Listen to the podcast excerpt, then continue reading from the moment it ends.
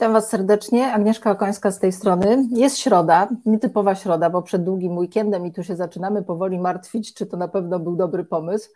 Ale myślę, że był dobry pomysł, bo jeżeli nawet dzisiaj nie będziecie z nami na żywo, to będziecie mieli cały długi weekend na to, żeby nas obejrzeć, odsłuchać. Dziś 17 odcinek z serii Kariera Marzeń Loża Ekspertów. Moim, moją bohaterką dzisiejszego odcinka, w którym będziemy rozmawiać o różnych rzeczach, ale między innymi również o zrównoważonym rozwoju, jest moja imienniczka Agnieszka Oleksyn-Wajda. Witam Cię Agnieszka bardzo serdecznie. Taki mam zwyczaj, że zawsze proszę moich gości, żeby w kilku słowach opowiedzieli coś o sobie. Staram się nie ja ich przedstawiać, tylko oddawać im pole tutaj do, do, do popisu. Wiem, że to jest trudne, żeby o sobie coś powiedzieć, ale żeby tradycji stało się zadość, to, to prośba Agnieszko, powiedz coś o sobie i witamy wszystkich, którzy już z nami są. Dobry wieczór, ja też witam wszystkich. Nazywam się Agnieszka Oleksyn-Wajda. Jestem prawnikiem, jestem radcą prawnym, zajmuję się przede wszystkim zrównoważonym rozwojem w takim kontekście środowiskowym, a najbliższa, czy najbliższy ze wszystkich sektorów jest mi sektor tekstylno-odzieżowy, czyli tak bardzo potocznie i tak jak ja lubię mówić, sektor modowy. To tak w dużym skrócie, pewnie za chwilę będę rozwijała, jak będziemy rozmawiały, różne wątki z tej mojej ścieżki zawodowej, która już trochę trwa, więc tych wątków też pewnie będziemy mogły trochę omówić. Myślę, że świetny miks ci wyszedł z tego wszystkiego, bo nie dosyć, że pani prawnik, to jeszcze trochę o modzie, trochę o zrównoważonym rozwoju. No, nie wiem, czy można by sobie wymyśleć bardziej ciekawe zestawienie. I, i w związku z tym, z tym zestawieniem, Chciałam Cię spytać, ponieważ to jest kariera marzeń Loża Ekspertów, my staramy się tutaj pomagać młodym osobom wybierać ścieżkę zawodową, ale też nie tylko młodym, bo czasami osobom, które gdzieś są na zakręcie i chcą coś ze sobą zrobić ponownie. Więc myślę, że te nasze historie pomagają gdzieś albo zainspirują być może kogoś. Dlatego chciałabym Cię spytać, jak Ci ten miks wyszedł? To znaczy, jak zdecydowałaś o swojej ścieżce edukacyjnej i ścieżce zawodowej? Skąd taki pomysł, żeby się tym w życiu zajmować? No więc jeszcze jako studentka prawa zaczęłam swoje pierwsze praktyki, takie poważne praktyki mam na myśli, bo mhm. tych praktyk i takich dorywczych prac miałam bardzo dużo i to właściwie one już się zaczęły w liceum, bo ja bardzo chciałam się szybko usamodzielnić, więc różnego rodzaju prace to były. Mhm. Natomiast pierwsze już takie poważne praktyki, a później już po nich zostałam, rozpoczęły się w jednej z firm z tak zwanej Wielkiej Czwórki, to akurat było KPMG. I to był dział podatkowy. Mhm. E, wówczas jedna z pań profesor na prawie finansowym e, ogłosiła nam, studentom, e, taką informację, że jeden z szefów z grup, to była zdaje się grupa VAT-owska wtedy, poszukuje właśnie takich studentów ostatnich lat. Ja byłam wtedy na ostatnim roku. Na praktyki zaprasza na rozmowy i testy i tak ta, idąc na zwykłe praktyki, zostałam tam lat 11, tak one się przedłużyły. W międzyczasie też wiele się wydarzyło, bo te, ta moja przygoda z KPMG rozpoczęła się w 2003 roku. I też nawet w ramach, w obrębie tej e, grupy podatkowej szukałam swojego miejsca, bo najpierw to był VAT, potem były ceny transferowe. W ramach e, cen transferowych mój e, ówczesny szef, który widział, że tak ciągnie mnie bardzo. Ceny transferowe nie są bardzo mocno prawniczą działką, one są bardziej ekonomiczne, tam bardzo dużo analiz się działo, takich stricte ekonomicznych. I on widząc, że ja się gdzieś tam E, w tym wszystkim trochę duszę, a jednak zakładam, że musiał myśleć, że być może jest tam w tej młodej dziewczynie potencjał, więc, e, więc wymyślił mi grupę klientów, a mianowicie powiedział: Słuchaj, są e, centra handlowe, które można obsługiwać od strony prawnej. Zostając mhm. w, mojej, w moim zespole, może, mogłabyś to zrobić, podejmij się, zobacz, niech to, niech to będzie takie wyzwanie. No i tak zostało, i tak zostało do 2008 roku, kiedy to był kryzys finansowy. Kryzys finansowy, który dotknął sektor nieruchomościowy, więc e, no, oczywiście też i, tych, e, i tą gro, moją grupę klientów. To też zbiegło się w czasie z moją pierwszą, potem e, drugą ciążą. Akurat to były takie ciąże, które zmusiły mnie do zwolnienia i, i, i też siedzenia w domu trudno mi było gdzieś tam przejść na taki zwolniony rytm życia, więc szukałam, no, czytałam, e, słuchałam, rozmawiałam i tak szukałam cały czas e, tej swojej drogi. Prawo ochrony środowiska, na to, na, na, na to padło. To, tą dziedzinę zaczęłam zgłębiać. E, też zaczęłam łączyć e, pewne elementy. To wtedy to był też taki moment, gdzie zaczynało się dopiero mówić o zrównoważonym rozwoju, ale to był mhm. też taki moment, kiedy jeszcze prawo ochrony środowiska było dosyć niszowe, ale jednocześnie wiadomo było, że to jest bardzo perspektywiczna dziedzina prawa. Ona była dosyć trudna, bo taka um, wymagająca E, technicznego sposobu e, myślenia i e, też w bardzo specyficznych obszarach, raczej takich ciężkich sektorów gospodarczych ona wtedy dominowała. Więc to też jeszcze nie był ten nie moment, kiedy ja znalazłam pełną swoją mhm. I tak po kolei wchodziły jakieś takie nowe możliwości, nowe obszary. Czasami było to zupełnie e, przypadkowe i kiedyś padła też taka propozycja od jednej z prodziekan z uczelni Łazarskiego, która mówiła: Słuchaj, zajmujesz się ochroną środowiska, my robimy tutaj takie studia podyplomowe, a jakbyś tak napisała e, plan, e, a spróbuj. No to to jest mhm. takie kolejne wyzwanie. No trudno, trudno mi się tym wyzwaniom, jak widać, oprzeć. E, napisałam ten plan w związku z tym, że w tym obszarze e, działałam, no to też skrzyknęłam e, grupę wykładowców, takich naprawdę czołowych ekspertów. Mhm. Ich nie było wielu w tamtym czasie, więc czołowych ekspertów, z którymi stworzyliśmy grupę wykładowców. No i tak się zaczęło. Później zaczęłam pisać e, kolejne e, programy. E, gdzieś tam te studia podyplomowe, te takie projekty bardzo mnie wciągały, bo to ewidentnie był taki sens, którego ja szukałam, czyli dzielenie się wiedzą. Ja widziałam, mhm. że była transformacja tych ludzi, tych słuchaczy. To byli często, to są często dorośli ludzie, bo to są studia mhm. podyplomowe, więc to są ludzie, którzy chcą na przykład usystematyzować e, po prostu wiedzę, albo czegoś się jeszcze dowiedzieć, albo coś tam zgłębić, albo na przykład dostali nowe stanowisko e, i wiedzą, że muszą e, tutaj pewne kompetencje jeszcze. Wiedzą, czego nie wiedzą. Proszę.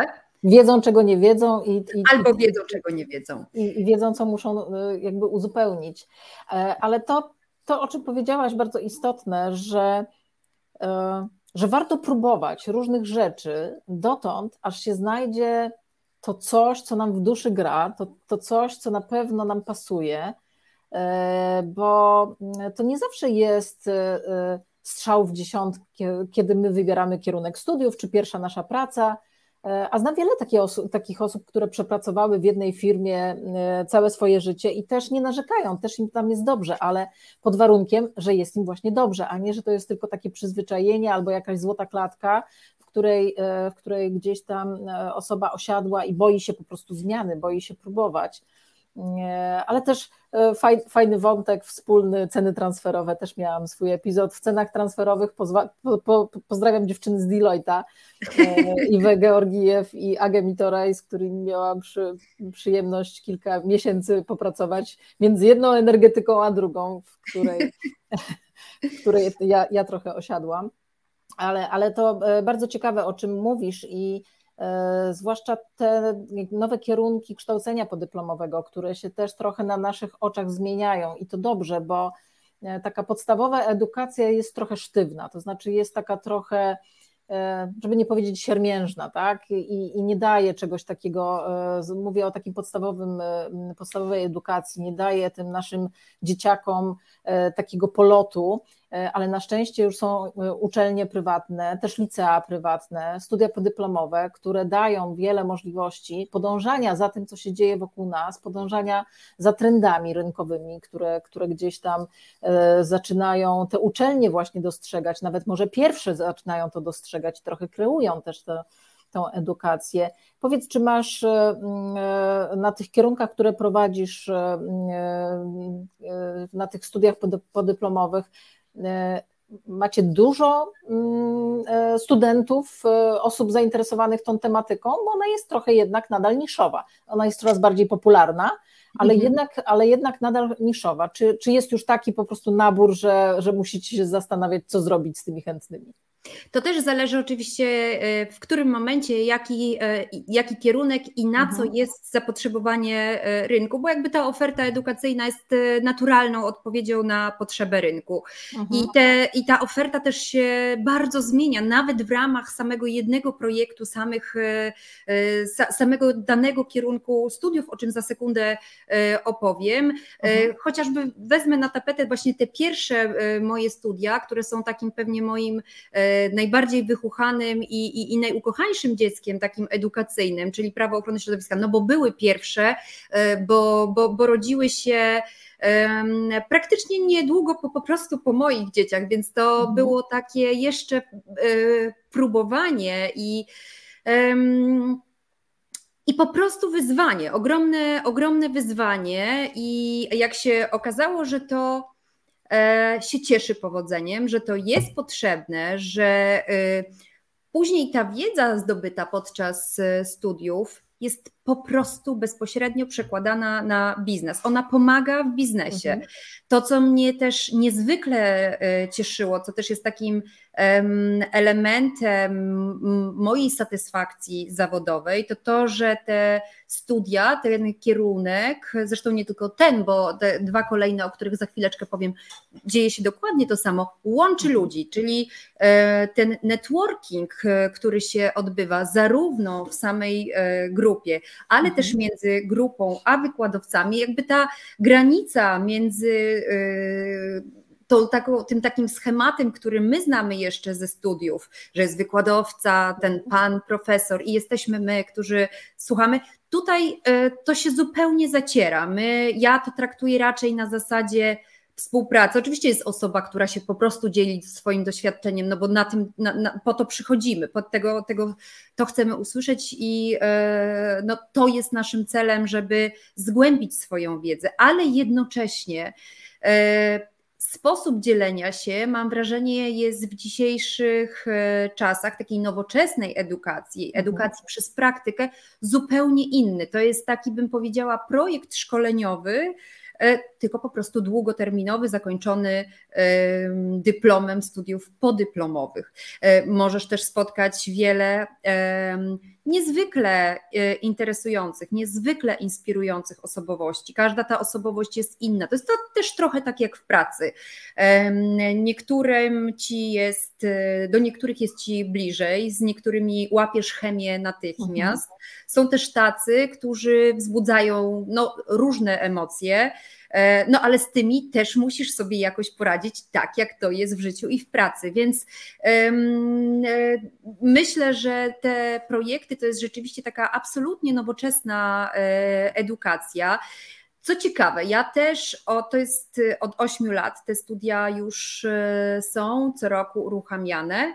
Ja co roku jestem słuchaczem. Co roku mhm. jestem słuchaczem. A mhm. dlaczego? Dlatego, że słucham, jaki jest e, odbiór e, przez e, studentów, przez słuchaczy tego, co się dzieje mm, na sali, jakie jest zapotrzebowanie, kiedy emocje trochę spadają, zainteresowanie spada, jakie są odpowiedzi, jakie są reakcje, jakie są rzeczywiście realne zapotrzebowania, czego na przykład nie uwzględniłam w programie, a mhm. rynek, bo to są osoby z biznesu, a rynek już tego chce, już chciałby znać odpowiedź, no więc w kolejnym programie uzupełniam, no i w ten sposób e, aktualizujemy i rzeczywiście jesteśmy taką, mam wrażenie, natychmiastową odpowiedzią na zapotrzebowanie rynku. Ale to muszę Ci powiedzieć, że bardzo nowatorskie podejście masz, bo bym e, nie przypuszczała, e, że to jest tak fajna metoda na obserwację zapotrzebowania, ale rzeczywiście tak bo, e, bo samo to, o czym powiedziałaś, że to jest taka nowoczesna forma, że e, rodzą się relacje biznesowe, tworzy się networking, te osoby ze sobą prawdopodobnie e, być może nie jeden biznes potem po tych, po tych studiach podyplomowych wspólnie tworzą i też przychodzą na takie studia podyplomowe w pewnym e, już e, pewnie dokładnie sprecyzowanym celu. Wiedzą, czego chcą, to znaczy wiedzą, tak. czego nie wiedzą i czego się chcą dowiedzieć. E, I, i, I, w momencie, kiedy rzeczywiście masz z nimi bliski kontakt, jakby współuczestniczysz, masz jedyną okazję, żeby się właśnie tego dowiedzieć, po co oni przyszli. I i tak jak się środowisko e, biznesowe zmienia, tak i to środowisko edukacyjne e, też, e, też musi się zmieniać. Więc bardzo mi się to podoba, muszę powiedzieć, ale tu z kilkoma osobami, które były wcześniej, też rozmawiałyśmy. Mówię, rozmawiałyśmy, bo przeważnie są to kobiety. Rozmawiałyśmy o studiach MBA, czy warto, czy nie warto, i, i to, co każdy powtarza, warto ze względu na networking, warto ze względu na wymianę business case'ów, które się omawia, na taką praktyczną część, bo, bo jasne, jak ktoś jest po humanistycznych studiach czy po jakimś zarządzaniu, to tam nic nowego specjalnie być może się nie dowie. Natomiast e, te biznesy, które są omawiane, te przypadki, które są wspólnie gdzieś tam przepracowywane, e, i relacje biznesowe, które się nawiązuje, tak. są nie, nie do e, przecenienia. Więc myślę, że dokładnie e, to samo jest w kierunkach, e, w których ty tutaj, mm, którymi ty się zajmujesz. Tak, a e... dlatego jeszcze mhm. tylko powiem, że bardzo cierpiałam podczas pandemii, bo pandemia też w pewnym momencie zmusiła nas do tego, żebyśmy mhm. część przynajmniej zajęć odbyli w sposób zdalny i oczywiście, że merytorycznie nic nie ucierpiało, bo my przekazujemy wiedzę dokładnie mhm. w taki sam sposób, jak robimy to na sali. Natomiast odzew z drugiej strony jest y, no, nieporównywalnie inny, nawet przy mhm. najlepszych chęciach. Bardzo trudno jest skupić swoją uwagę, mówię o uwadze słuchacza, przez cały dzień, bo, no, no, no bo studia trwają przecież w sobotę, w mhm. niedzielę od rana do wieczora. To jest niezwykle trudne, mając e, w domu tak zwane małe rozpraszacze, czyli dzieci, e, chcąc posprzątać albo będąc po prostu mhm. zmęczonym, wiesz, kusi cię kanapa, siądziesz na tej kanapie i bardzo trudno jest skupić swoją uwagę. E, to też jest dosyć trudne wtedy dla wykładowcy, bo nie ma tej interakcji, bo nie widzisz oczu e, swoich odbiorców, a, te, a te oczy mogą tak de facto najwięcej e, powiedzieć.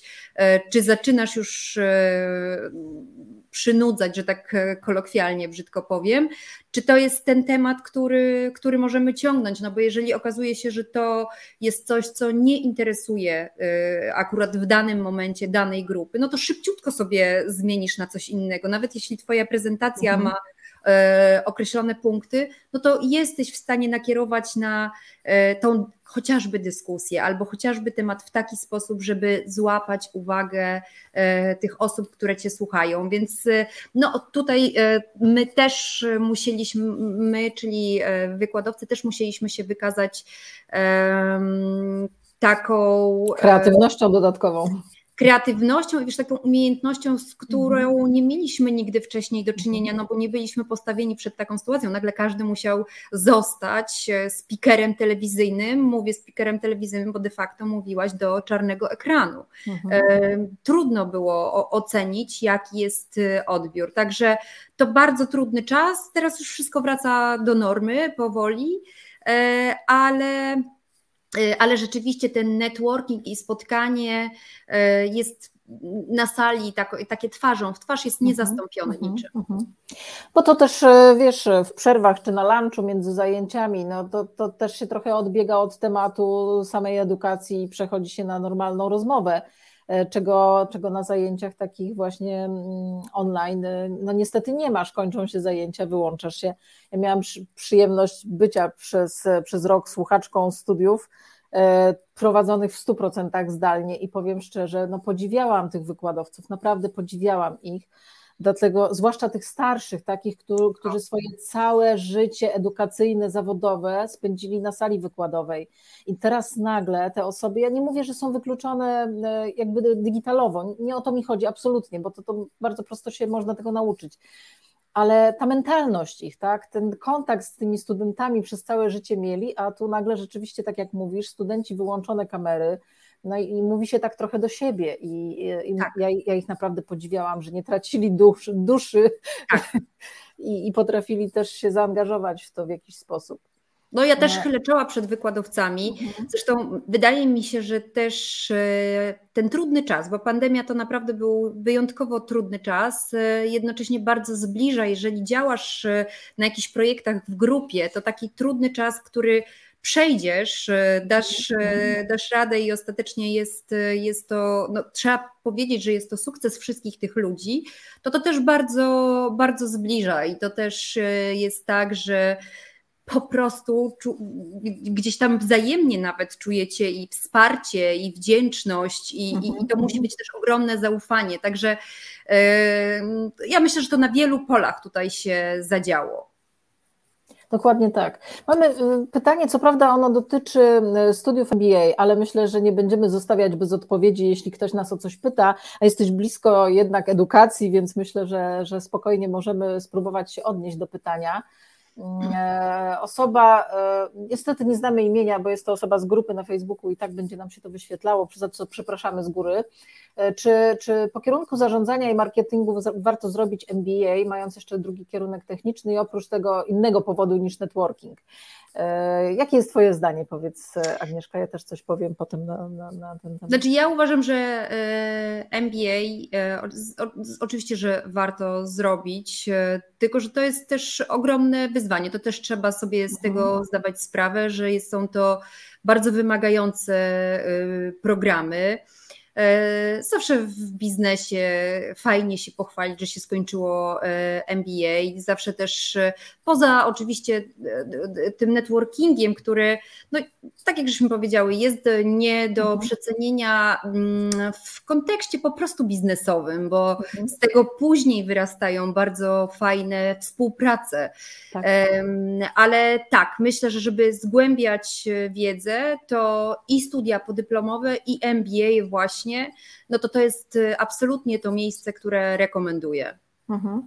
To ja jeszcze tylko dodam do tego, że mm, oczywiście studia MBA y, y, mają bardzo różne mm, koloryty, to znaczy to też chodzi, jaka placówka to oferuje, z jaką e, placówką też edukacyjną, być może nawet zagraniczną e, w korespondencji są prowadzone te studia.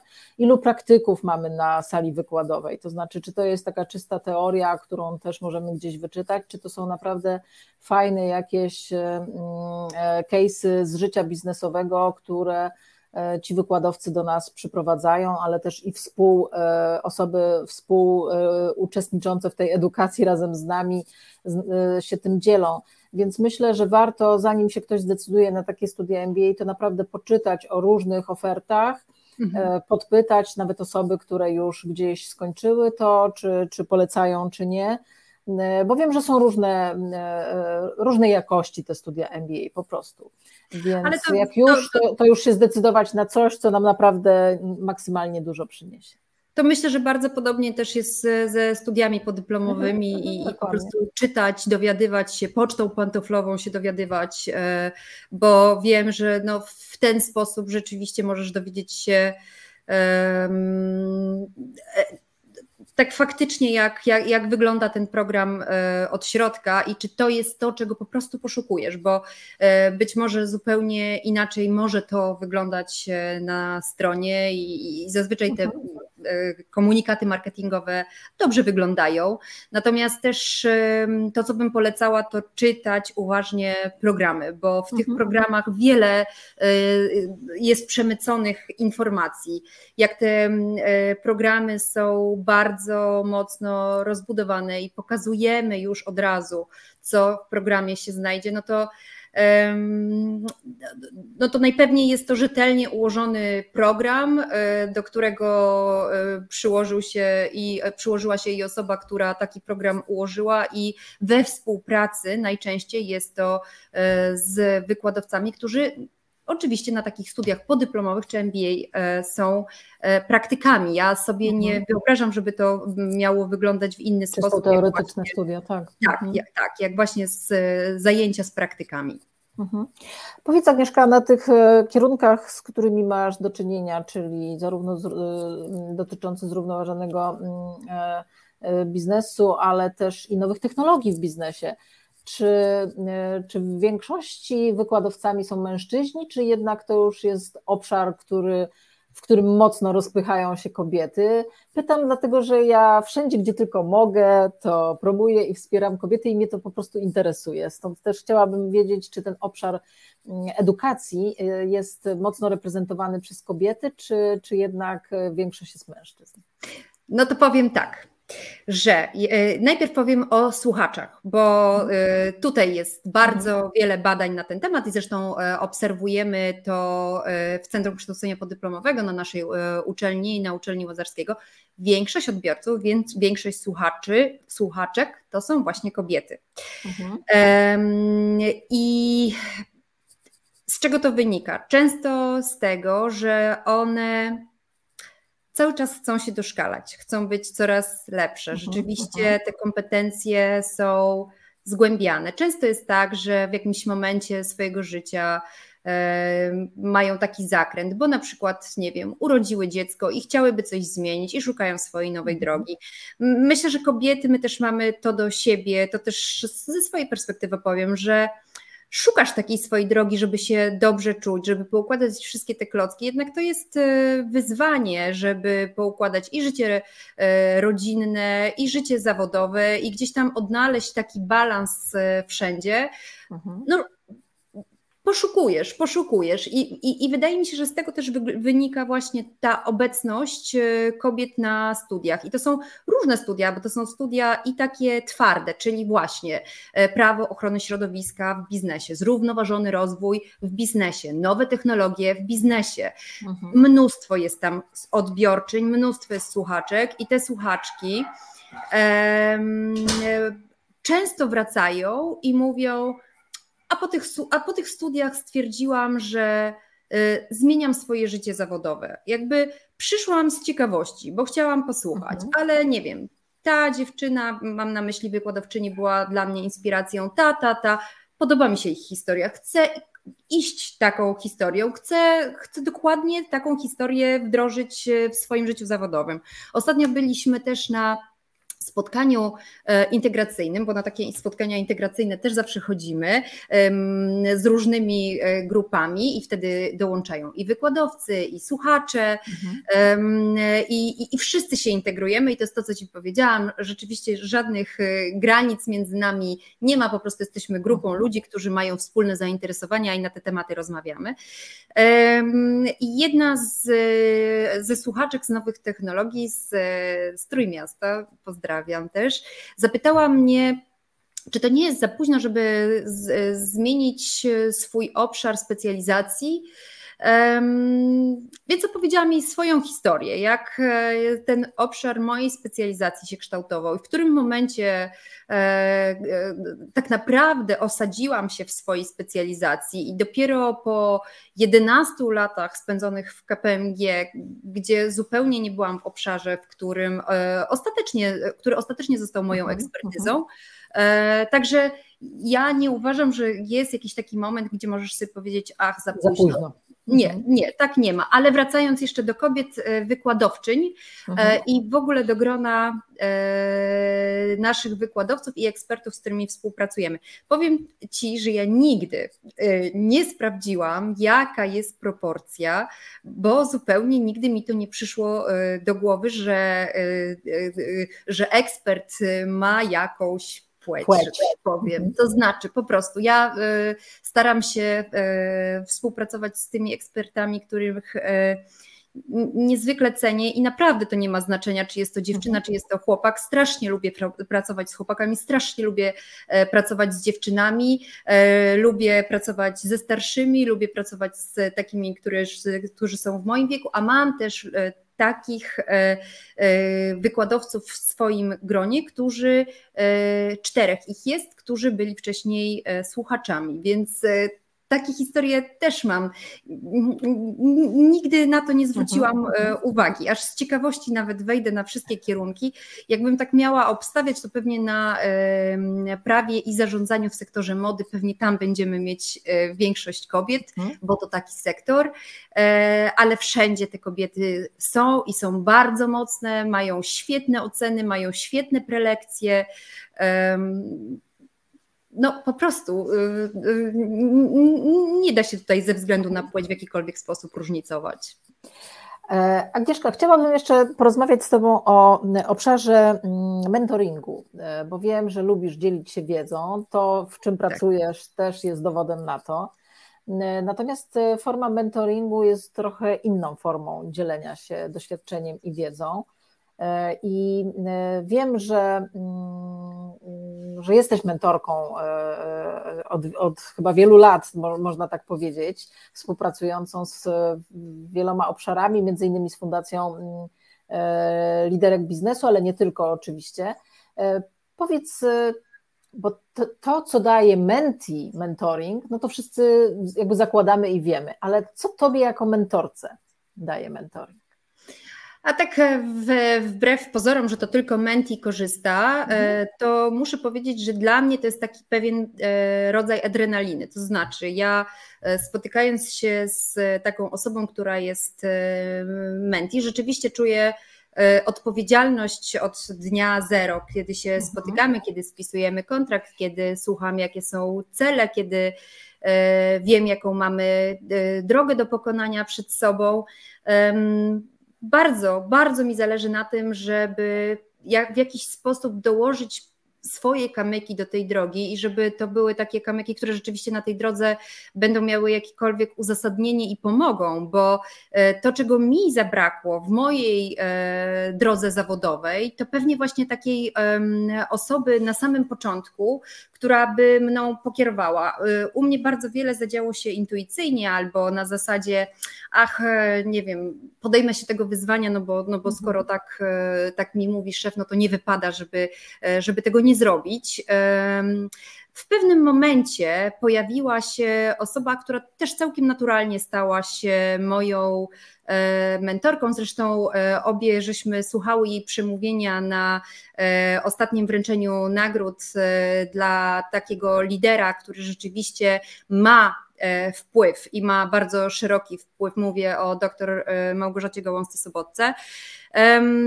Są takie osoby w Twoim życiu, które, w, które rzeczywiście zupełnie nie w taki narzucający się e, sposób odgrywają niezwykle ważną rolę i są mhm. takim punktem e, zwrotnym. zwrotnym. Mhm. Tak, i, i, i tak niewiele tak naprawdę muszą narzucić ze swojej strony, żeby albo ci gdzieś tam dodać skrzydeł, albo taki, taki podmuch wiatru, który ty wiesz, że ty masz całe mhm. oprzyrządowanie, ty masz, e, nie wiem, i, i, i, żagiel, i łódkę, ale ten podmuch wiatru gdzieś tam jest e, mhm. potrzebny.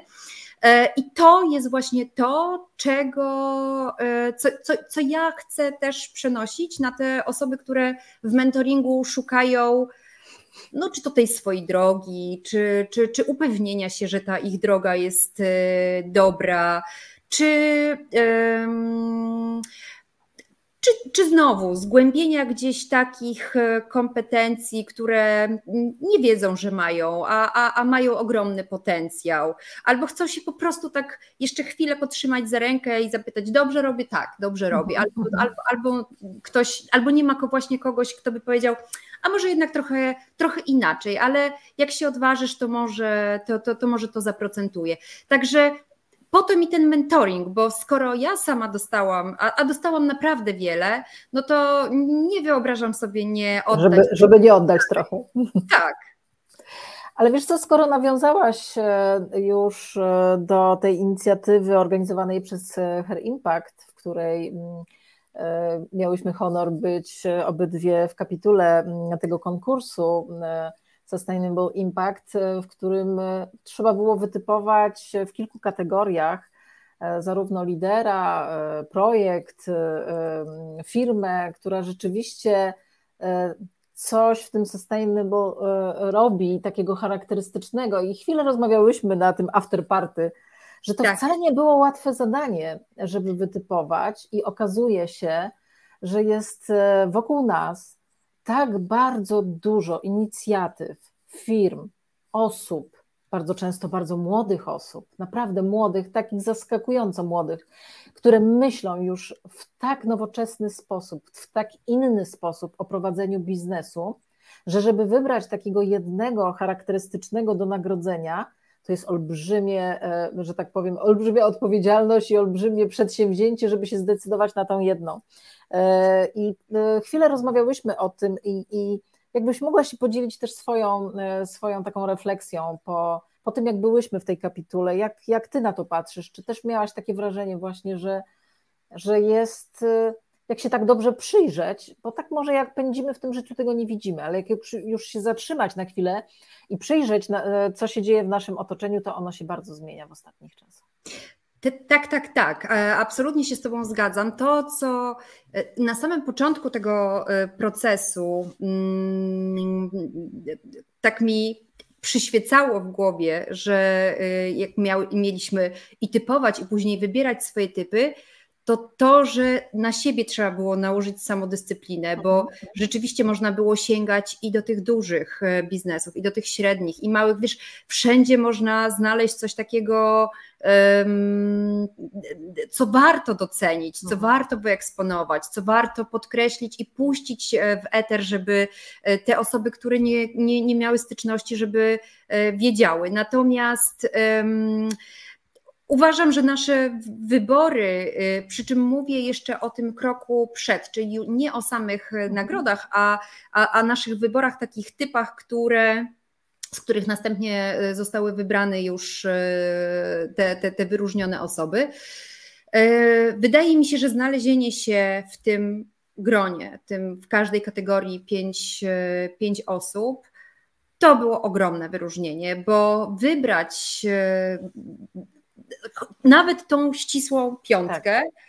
to już było dla nas niezwykle trudne. Mhm, to, mhm. co później gdzieś się zadziało jeszcze podczas y, gali, to, to wiesz, jedyne takie takie słowo, gdyby ktoś kazał mi opisać jednym słowem całą tą galę i, i, i, całe to przedsięwzięcie, to chyba bym powiedziała, że szlachetność, bo tam szlachetność przebijała się z tak. każdego tego przedsięwzięcia, wiesz, i, e, i, i, i z lidera, i z e, projektu, i z firmy. Każda ta osoba miała, wiesz, tyle do wniesienia mhm. od siebie dla, dla innych i takiej chęci po prostu zmiany świata na lepsze, że wiesz, tak z boku, jak, jakbyś tego słuchała, to, to byś sobie pomyślała, Chrysta, czy na tym w ogóle można zrobić biznes? A okazuje się, że jeszcze na tym dodatkowo można tak. zrobić biznes.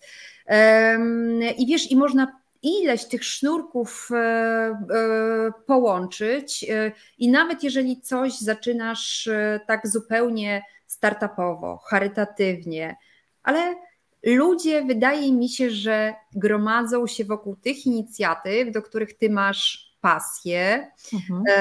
i po prostu pasja, pasja gromadzi. No i no, no, no chyba po prostu, wiesz, jeżeli staje się spo, Twoim sposobem na życie, no to, no to na tym również wszyscy rozumieją, no każdy musi ostatecznie gdzieś tam zarobić, żeby się utrzymać, no to wydaje mi się, że w ten sposób te biznesy też się, też się zaczynają kształtować, że też są jakieś dofinansowania. Mhm. Później po prostu są e, odbiorcy, bo gdzieś tam kliknie, pójdzie e, informacja, sprawdzi się, okazuje się, że nie wiem, taki roślinny kurczak może być też po prostu smaczny i, i, i wdrożysz go do swojej diety, a przy okazji jest e, bardzo zdrowy.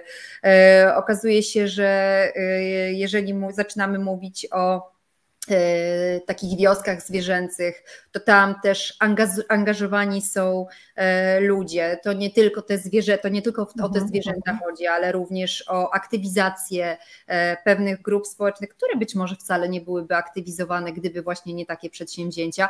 Więc wiesz, tak patrząc, to jest tak szeroki i, i, i, ogromny koloryt tego zrównoważonego rozwoju i takiego odpowiedzialnego biznesu i odpowiedzialnego myślenia za, e, za nasze dzisiaj i za nasze jutro, że to, co, tak jak powiedziałam na początku, to, co mi się przebija z całego przedsięwzięcia, Her Impact i, e, i, i, i konkursu, no to mm, ogromna szlachetność wszystkich tych osób. Szlachetność, ale też ta iskra wokół, kiedy opowiadały te, te, te no, chyba były kobiety tylko, kiedy opowiadały o tych swoich biznesach bardzo różnorodnych, bardzo skrajnie różnych, zupełnie z innych bajek, to, to ta iskra wokół, to znaczy to było widać właśnie tą pasję, o której mówisz, to było widać, że to nie celem jest biznes, tylko celem jest pewna ideologia, pewien, jak ja to nazywam, kościół wokół tego, czym się zajmuje a to przy okazji przyciąga też innych ludzi, a jak przyciąga, to staje się po prostu biznesem. E, ale jak jeszcze, jedno, jeszcze, jeszcze jedno powiem e, o tych osobach, które nie wygrały, a były wyróżnione. E, to, co mi się też z całą pewnością e, rzuciło w oczy jako odmienne do takich e, po prostu konkursów i rywalizacji, że ta rywalizacja właśnie w obszarze odpowiedzialności środowiskowej, odpowiedzialności społecznej, to jest taka bardzo zdrowa rywalizacja. To znaczy, tam mam wrażenie, nie ma czegoś takiego, ach kurczę, przegrałem i, i, i, i, jak to jest. Tam mam wrażenie, że po prostu wszyscy sobie kibicują. I i tak w innych konkursach te tak. osoby też z całą pewnością zostaną dostrzeżone. To, to jest e, e, pewne prędzej czy później. Natomiast e, ta rywalizacja jest naprawdę inną rywalizacją niż wszystkie konkursy, które do tej pory znałam. Trochę o wpływie na środowisko teraz kilka minut porozmawiajmy. Powiedz, jak zmienić wpływ konsumpcji na środowisko? Jak zmienić w naszych głowach, że bardziej liczy się być niż mieć. Pracujesz w tym biznesie, to może masz jakieś złote zasady, złote tipy. No wiesz, te 20 ostatnich e, lat nas tak bardzo mocno rozpuściły, jeżeli chodzi o sposób konsumpcji i to szybkie, szybkie weszło mhm. wszędzie, szybkie weszło do lodówki, szybkie weszło do szafy, e, szybko żyjemy, szybko wszystko zmieniamy, e, zmieniamy sprzęty. I tak naprawdę Pewnie zdajemy sobie z tego sprawę, ale to tak bardzo mocno zaczęło wybrzmiewać z opracowań i raportów przygotowywanych przez e, naukowców, którzy po prostu alarmują i, i, mhm. mówią, no jeżeli ten sposób e, życia, jeżeli sposób produkcji, e, poruszania się, transportu się nie zmieni, no to klimat się zmieni, a jak klimat się zmieni, no to wasz sposób życia też się diametralnie wtedy mhm. zmieni, mhm. zabraknie wielu zasobów naturalnych, zabraknie wody, będziecie mieć migrantów klimatycznych, więc e, to jest takie, myślę, bardzo e, poważne zagrożenie, które, które nas czeka. Jednocześnie gdzieś tam mamy taką cezurę czasową. Wiemy chociażby z mhm. porozumienia paryskiego, że do 2000 50 roku powinniśmy być klimatyczni, tylko jak mamy taki długodystansowy cel, to on się nam tak wydaje odległy, że trudno tak naprawdę budować w tej chwili inne modele, inne modele zakupowe czy inne modele konsumpcyjne. Więc gdzieś tam e, i same branże, same, same sektory e, podejmują różnego rodzaju wyzwania takie samoregulacyjne, mhm. czyli mówią same dla siebie, narzucają obostrzenia które oczywiście wynikają z oczekiwań też i uświadomionych konsumentów. Ten, ten, ten, ten konsument jest coraz bardziej świadomy, może on jeszcze nie wie wszystkiego, może on nie zdaje sobie dokładnie sprawy z tego, jaki jest e, wpływ e, jego konsumpcji na środowisko, ale wie, że jest. To, to, to, to, to jest mhm. pewne. Jakby deklarując pewne wybory, zawsze powie, że będzie, że, że, że będzie wybierał coś, co jest przyjazne środowisku, coś, co nie wpływa tak bardzo na klimat, coś, co jest wytworzone w łańcuchu produkcyjnym z poszanowaniem człowieka, e, z poszanowaniem pracownika. Więc jakby tutaj my już wiemy, że e, pewne wybory mhm. powinny iść w tę stronę. Natomiast to, co jest ciekawe i to, co nawet Komisja Europejska ostatnio na co zwróciła uwagę e, w wydanej przez siebie strategii. To jest strategia dla zrównoważonego e, rynku tekstylnego. To jest taka część Europejskiego Zielonego Ładu. Mhm. W Europejskim Zielonym Ładzie e, mówimy, że chcemy, żeby Europa była pierwszym takim najbardziej zielonym kontynentem i pierwszym neutralnym, neutralnym klimatycznie, ale jednocześnie niezwykle konkurencyjnym. Chcemy zachować tę konkurencyjność dla, dla gospodarki. No i teraz to, co to, to, ta, ta strategia Komisji dla Rynku Tekstylnego mówi, no dobrze, to w takim razie przedsiębiorcy, przedsiębiorco, y, to ty powinieneś teraz edukować y, swojego konsumenta, żeby jego zachowania się y, zmieniły, żeby jego konsumpcja była bardziej odpowiedzialna. Oczywiście no jest to rola biznesu, żeby, żeby, żeby zmieniać, natomiast wydaje mi się też, że jest to rola edukacji, chyba przede wszystkim edukacji, żeby zmieniać mhm. i budować świadomość. To, co mm, powinni zrobić e, przedsiębiorcy, bo to też wynika z badań, wielu badań e, na konsumentach, to Dziś konsument nie oczekuje tylko i wyłącznie produktu. On rzeczywiście oczekuje, że decydenci, że wielcy przedsiębiorcy poprowadzą go, nakierują go w odpowiednią stronę, powiedzą na przykład, jeżeli mówisz o ubraniu, w jaki sposób pielęgnować to ubranie. Ja E, jestem daleka od tego, żeby powiedzieć, a to teraz przestańmy kupować, ale jeżeli e, marka, na przykład marka odzieżowa zacznie Cię już edukować, jak czytać metki, my przecież mhm. niekoniecznie wiemy, jak te metki czytać. Wiesz, tam Obcinamy jest je. Tak, no, a poza tym je obcinamy. Tak, ale wiesz, tam jest tyle symboli, że to no, trudno się zorientować z, z mhm. czasami, co ten trójkącik e, znaczy, czy to znaczy żelazko, czy to znaczy wybielanie, no, co, co, to, co to mhm, jest. Mhm, Więc e, e, Wydaje mi się, że to, co rzeczywiście producenci powinni, producenci, przedsiębiorcy powinni robić w, we współpracy z edukacją, we współpracy z organizacjami i decydentami, no to rzeczywiście tworzyć jakieś takie okrągłe stoły, jakieś e, think tanki, w, w ramach e, których są kampanie, kampanie społeczne, gdzie pokazują ci znowu pewne informacje dostarczają, e, taki pakiet, na, na, podstawie którego ty po prostu możesz sobie zbudować swój światopogląd. Ja też jestem daleka od tego, żeby narzucać komuś pewien sposób życia i bycia, natomiast przedstawiając pakiet informacji, myślę, że e, każdy może po prostu sobie swój e, pogląd na ten temat wyrobić. Tylko, że wiesz, tak na pierwszy rzut oka to można by powiedzieć, że tym firmom się to po prostu nie opłaca, bo one są nastawione na to, żeby sprzedawać jak najwięcej i e, nie pamiętam dokładnie nazwy marki, ale nawet gdybym pamiętała, to nie chciałabym jej przytaczać, ale chodzi o to, że była E, taka reklama e, na Black Friday, na pewno nie kupuj naszych ciuchów. I okazało się, że to była największa sprzedaż ever bo po prostu ta reklama to, to, to, zrobiła. I teraz pytanie, czy to było nieświadome działanie, czy to było takie trochę greenwashing, to znaczy, wiesz, udawanie, że jestem ekologiczny, a tak naprawdę to jest super e, metoda na podkręcanie tej sprzedaży. E, I, I, jak rozpoznawać te marki, które są faktycznie e, zaangażowane w to budowanie zrównoważonego biznesu i odpowiedzialne działanie takie środowiskowe, które faktycznie te swoje strategie ESG mają e, naprawdę logiczne, a które są tylko podszywają się pod tę ekologiczność.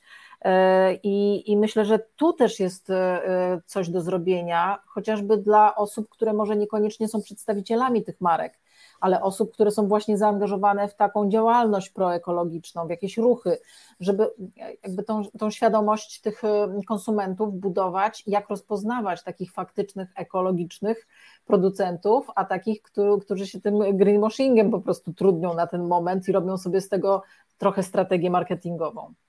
No, ja myślę, że rzeczywiście teraz jest taki mały szum informacyjny, gdzie mhm. trudno zweryfikować jeszcze e, konsumentowi, co jest greenwashingiem, e, mhm. co jest realną, taką rzeczywistą informacją, na której może bazować. I, i, I, w związku z tym, że ten bałagan rzeczywiście powstał, no to też właśnie na tę sytuację odpowiedź Komisji Europejskiej i, i, i strategia, i strategia, która porządkuje, porządkuje mhm. i łańcuchy dostaw, porządkuje, a właściwie narzuca transparentność w tych łańcuchach dostaw.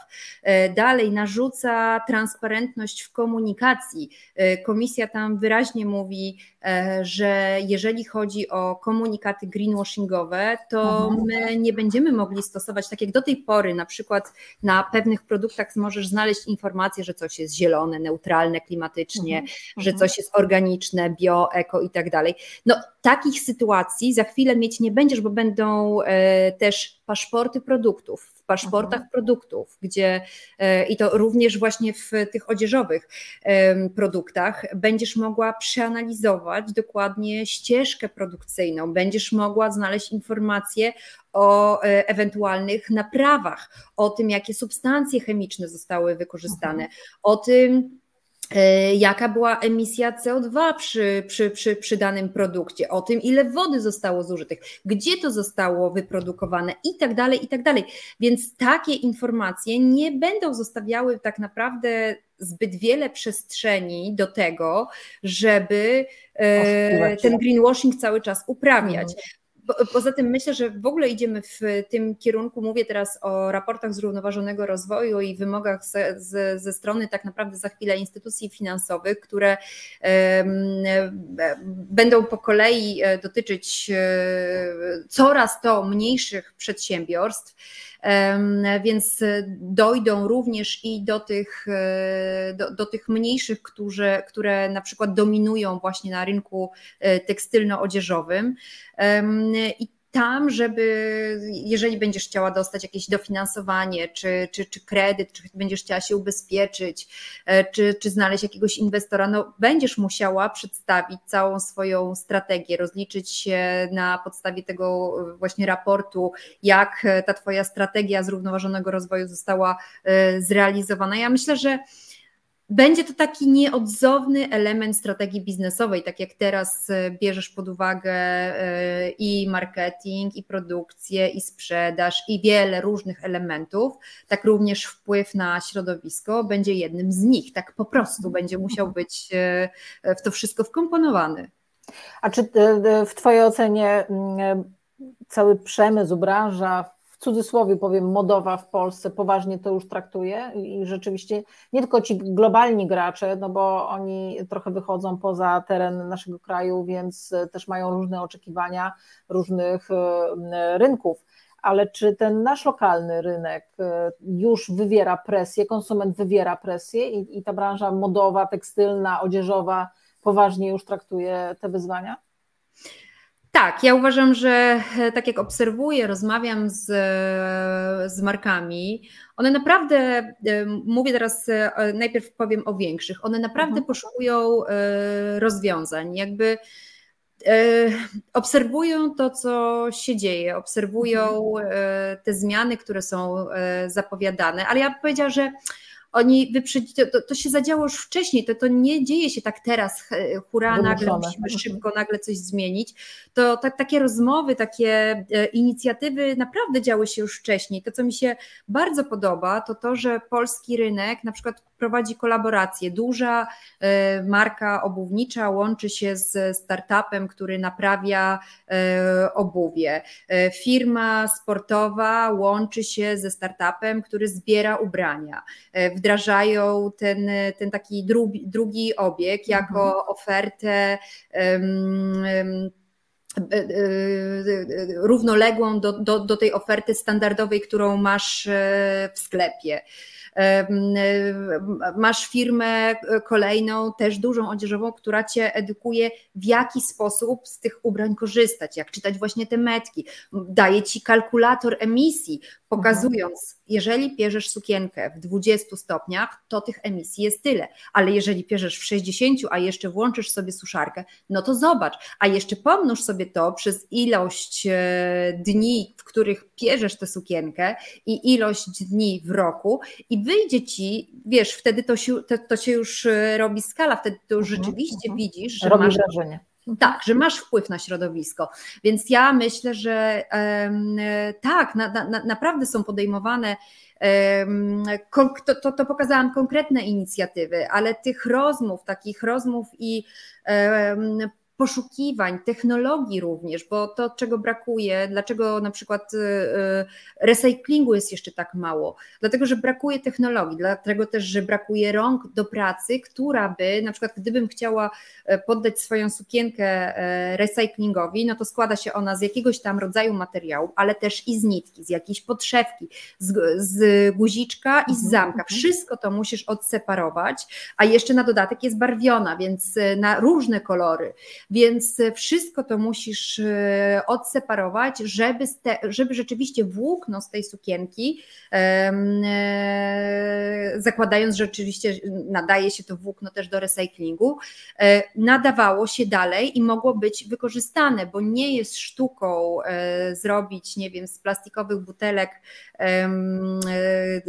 ubranie, które nie zamknie ci obiegu, mhm. bo, bo, bo, cały czas będzie ten proces yy, czy model gospodarki linearnej, bo, bo, bo, dalej już z tego ubrania niewiele zrobisz. Yy, natomiast to, co, o, to, o czym mówi Komisja Europejska, mówi yy, zróbmy tak, żeby, pro, żeby sektor modowy był cyrkularny, czyli to jest to, o czym przed chwilą powiedziałam, i żeby te produkty były trwałe, czyli taka edukacja, w jaki sposób dbać o produkt, jest absolutnie wpisuje się właśnie w te postulaty. Mhm. Ale wiesz, to, to trochę wywodzi się też e, tak, takie myślenie, że coś ma na krótko nam służyć. Nie, to, to, jest trochę historycznie, no bo zauważ nawet sprzęty gospodarstwa domowego, czy, czy jakiś sprzęt tak. komputerowy, drukarki, cokolwiek. Przecież wszystko, samochody nawet, przecież tak. wszystko było określone w ten sposób, że one, dopóki są na gwarancji, mają ci działać, a potem jak ta gwarancja mija, to one mają się psuć. I, i tak naprawdę naprawa y, y, skalkulowana była tak, że nie opłacało ci się naprawiać sprzętu, tylko, tylko po prostu kupowałaś nowe. Y, więc jakby cała filozofia prowadzenia biznesu, cały pomysł na ten biznes musi ulec zmianie, bo właśnie to myślenie, które dotychczas nam towarzyszyło, E, zarówno mm, producentom, ale ostatecznie i konsumentom, bo byli na to skazani, musieli w ten sposób się zachowywać, bo jakby ta ekonomia dyktowała, jak mam wydać więcej pieniędzy na naprawę, a mogę taniej kupić coś nowego, no to przecież kupię to coś nowe. E, więc jakby ten cały sposób myślenia o biznesie musi nam się zmienić. I moim zdaniem bez ciśnienia od strony konsumentów będzie to trudno zmienić, ale to już się zauważa, że że konsumenci wywierają presję na. Mm, ja nawet widzę w branży energetycznej, w której pracuję, no coraz więcej e, konsumentów energii chce zielonej energii. Więc tak. nie możesz im dostarczać czarnej, skoro oni chcą zielonej, bo oni po prostu od ciebie nie kupią. I jeżeli e, są nawet w stanie zapłacić drożej, a może za chwilę się okazać, że wcale nie musi być drożej, tylko taniej, no to, to trzeba po prostu w tym modelu biznesowym myśleć w ten sposób i, i to musi być coś, co będzie jakby to ten sposób na, na inwestowanie w środowisko było też bez uszczerbku dla obrotów firmy, no bo każda firma ma swoich akcjonariuszy, ma, ma swoich decydentów, więc sposób prowadzenia tego biznesu, jeżeli on się zmieni, to prawdopodobnie E, właśnie większy popyt będą miały takie produkty, które są e, e, ekologiczne, czy w jakiś sposób z mniejszym wpływem na środowisko produkowane, powinny mieć większy, większy obrót, większy popyt, bo, bo właśnie ci klienci będą takich wyborów dokonywać. Tak. Więc myślę, że to w naszych głowach po prostu musi się, się nastąpić zmiana. Ostatnio miałam też taką e, dyskusję z jedną z wykładowczyń z prawa ochrony środowiska, właśnie z tego e, kierunku, która e, zbudowała jeden z pewnie najbardziej znanych w tej chwili portali środowiskowych i była redaktor naczelną i ona powiedziała, że właśnie też moment, kiedy zaczęła budować ten portal, E, zbiegł się z momentem, kiedy ja e, wdrożyłam e, w, w życie studia podyplomowe środowiskowe.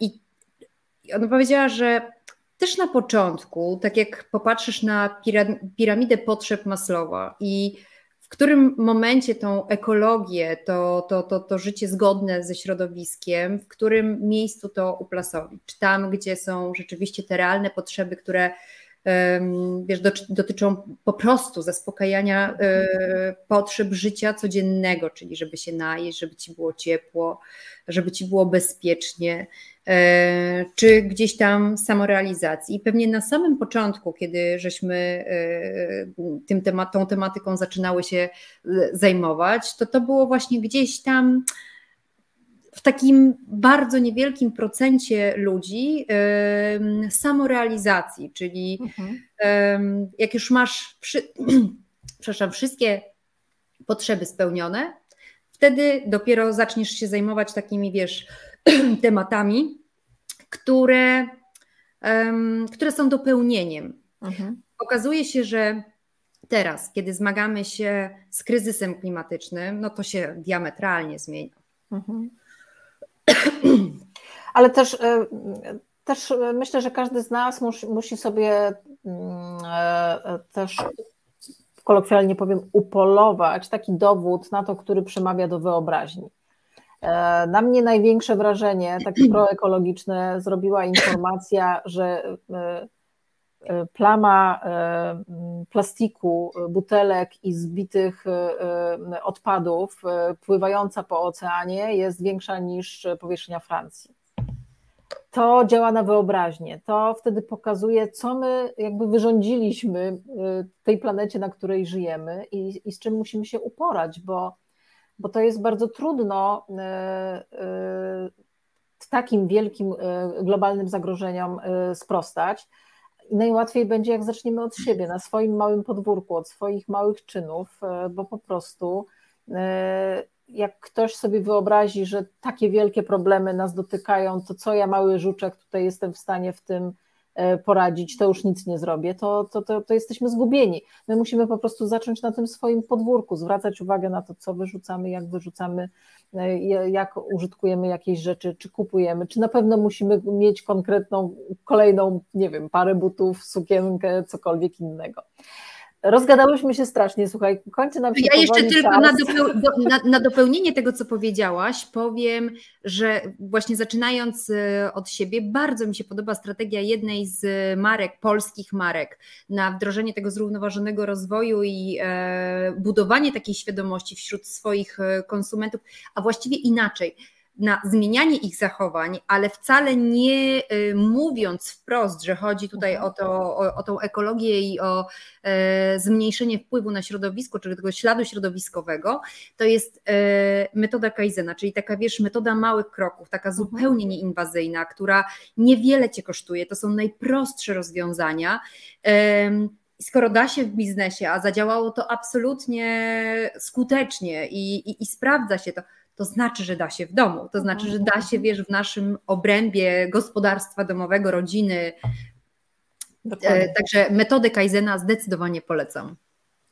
Chciałam Cię spytać o apel do naszych słuchaczy, o co byś zaapelowała na koniec, takie ostatnie Twoje pytanie. Trochę już prawie to powiedziałaś, ale może coś jeszcze chcesz dodać na koniec. E, to, co myślę, to to, żeby w dzisiejszych czasach pewnie podchodzić krytycznie do różnych e, komunikatów, ale nie z krytyką, a krytycznie, to znaczy zadawać mhm. sobie e, pytania, takie e, wyzwania, czy rzeczywiście coś, co czytasz, możesz zweryfikować i znaleźć źródło, gdzieś jakąś podstawę taką naukową, która mhm. uwiarygodni ci to, co czytasz i to, co, w to, co później wierzysz i przykładasz to na swoje życie. Natomiast to, co sobie, o czym jednocześnie też e, myślę, że żyjemy w tak niezwykle trudnych czasach i tak e, zmagamy się i z kryzysem klimatycznym, i, i, i zdrowotnym, i gospodarczo również odczuwamy e, mhm. skutki tych kryzysów. Że gdzieś tam taka zwykła ludzka życzliwość może być też czymś, co nam pomoże, żeby E, skupić się też na e, zmianie, którą chcesz podejmować, ale tak we własnym e, obszarze, żeby podejmować ją z przekonania, że sam chcesz to zrobić, niekoniecznie bardzo mocno wywierając wpływ i, i, bardzo mocno chcąc zmieniać innych, bo tak jak mówię, E, czasy są na tyle trudne, że po prostu e, z wyrozumiałością do drugiego człowieka. To myślę, że to jest taki, taka dewiza, która pewnie przyświeca większości w obecnej chwili. E, świetny apel, świetna puenta też. Bardzo Ci dziękuję, że spędziłaś ten przed długim weekendem wieczór z nami i podzieliłaś się swoim doświadczeniem, swoją wiedzą E, i, i, i, swoimi inspiracjami dla nas, myślę. Wszystkim, którzy z nami byli, też bardzo serdecznie dziękuję, że ten wieczór z nami spędzili. E, natomiast ci, którzy nie mogli, słuchajcie, nic straconego, zawsze można gdzieś wpaść na kanał na YouTubie albo obejrzeć sobie na LinkedInie albo na Facebooku relacje, będzie też podcast Agnieszka, bardzo serdecznie Ci dziękuję. To była olbrzymia przyjemność gościć Cię dzisiaj i no i cóż, postarajmy się chociaż w ten najbliższy weekend coś dobrego dla, dla, naszego, dla naszego życia i dla naszej planety zrobić. Zacznijmy od siebie po prostu. Bardzo serdecznie dziękuję. Wszystkiego dobrego i dobrego długiego weekendu. Dziękuję bardzo.